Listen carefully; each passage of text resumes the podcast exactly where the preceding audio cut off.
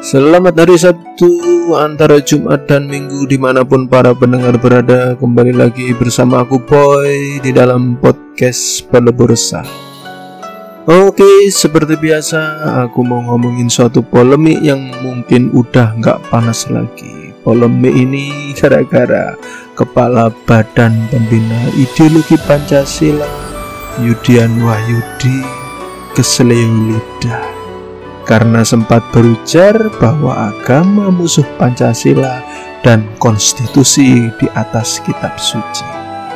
Tentu saja perkataan Pak Yudian Wahyudi ini berkembang menjadi bola panas. Dan tentu saja yang gak diuntungkan secara politik adalah Pak Jokowi selaku presiden. Bagi golongan pembenci Jokowi, hal ini menjadi alat gorengan, utamanya untuk menggulingkan beliau dengan menghembuskan isu PKI dan isu rezim anti-Islam. Memang kemudian masalah ini sudah diklarifikasi oleh Pak Yudian Wahyudi sendiri serta beberapa pihak terkait. Menariknya, Hal ini menggelitik ide-ide pertanyaanku selama ini. Apakah agama memiliki musuh? Bagaimana posisi agama dan Pancasila? Bagaimana peran kitab suci pada konstitusi negara? Baiklah, kita bedah secara cermat, teliti, dan asik. Sekucu, santuy. Agama diajarkan dari siapa untuk siapa? Dalam enam agama di Indonesia, secara mendasar agama itu diajarkan oleh Tuhan pada hambanya. Di mana kitab suci berisi tentang firman-firman Tuhan yang maha suci, sebab inilah disebut kitab suci. Karena yang maha suci itu bukan kertas atau tintanya, tapi isi ajarannya. Hal inilah juga menyebabkan kenapa banyak aliran agama dan banyak perbedaan penafsiran dalam memaknai kitab suci. Gak percaya atau bingung? Oke, pelan dan santuy ya.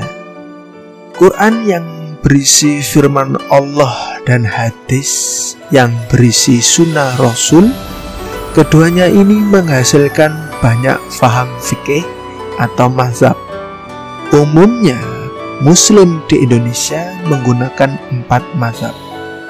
Nah, bagi yang beriman kepada Yesus Kristus sebagai Tuhan pun demikian. Ada yang memilih Katolik, Protestan, Ortodoks, Pantekosta, dan lain sebagainya. Hindu juga gitu. Dulu ada kawan Hindu yang mengatakan padaku, Hindu di Bali berbeda dengan Hindu di India karena kami menggabungkan kepercayaan lokal dengan agama Hindu di mana Hindu sendiri memiliki banyak paham aliran misal Vaisnava, Saiwa, Sakta, dan lainnya. Munculnya banyak aliran dan paham dalam satu agama karena perbedaan cara pandang dan penafsiran kitab suci. Lalu siapakah musuh agama? Jawabannya adalah diri sendiri.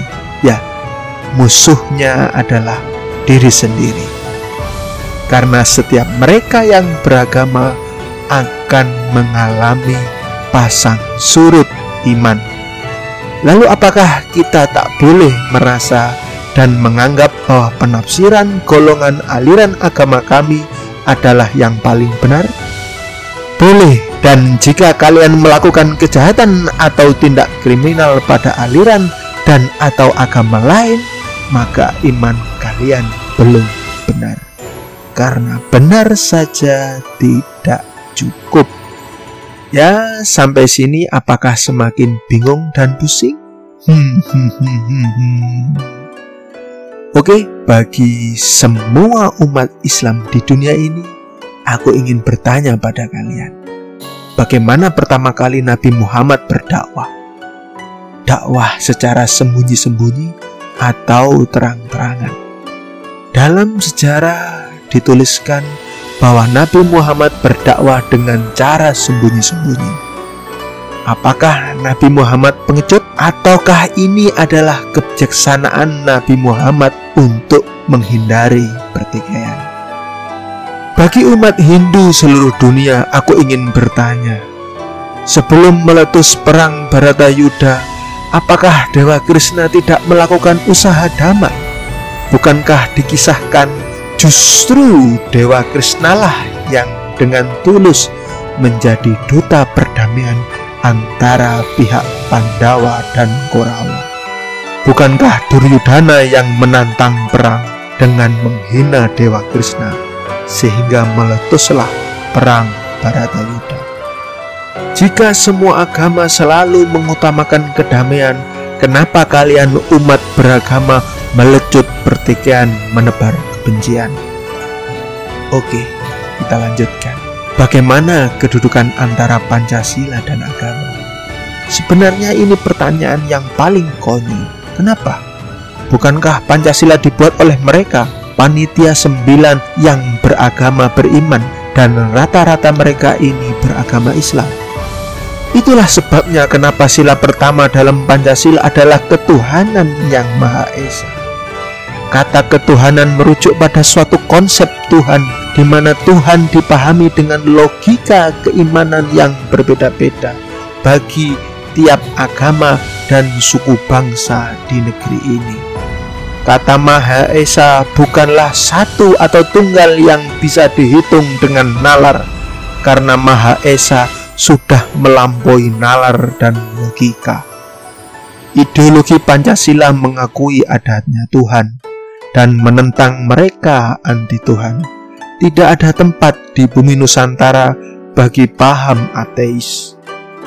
Kedudukan antara agama dan Pancasila itu harusnya dalam satu tarikan nafas, bukan mana yang lebih tinggi. Jika Pancasila dibuat oleh mereka yang beriman beragama, maka Pancasila adalah payung atau rumah bagi mereka yang beriman pada Tuhannya. Kalau sudah begini, kitab suci bukan di bawah konstitusi lagi, konstitusi bukan di atas kitab suci lagi. Kok begitu? Coba lihat sumpah jabatan para pejabat negara ini. Pasti diambil sumpah di bawah kitab suci masing-masing agamanya. Nah, bagi mereka pejabat yang melakukan korupsi, kolusi, nepotisme, berarti kan sudah bermain-main dengan sumpah, padahal sumpahnya mengatasnamakan Tuhan mereka. Tapi kenapa mereka masih berani? Ya berarti imannya selembek tahu gejrot. tahu gejrot mah enak dimakan. Lah kalau mulut yang bermain sumpah suci, enaknya diapain ya?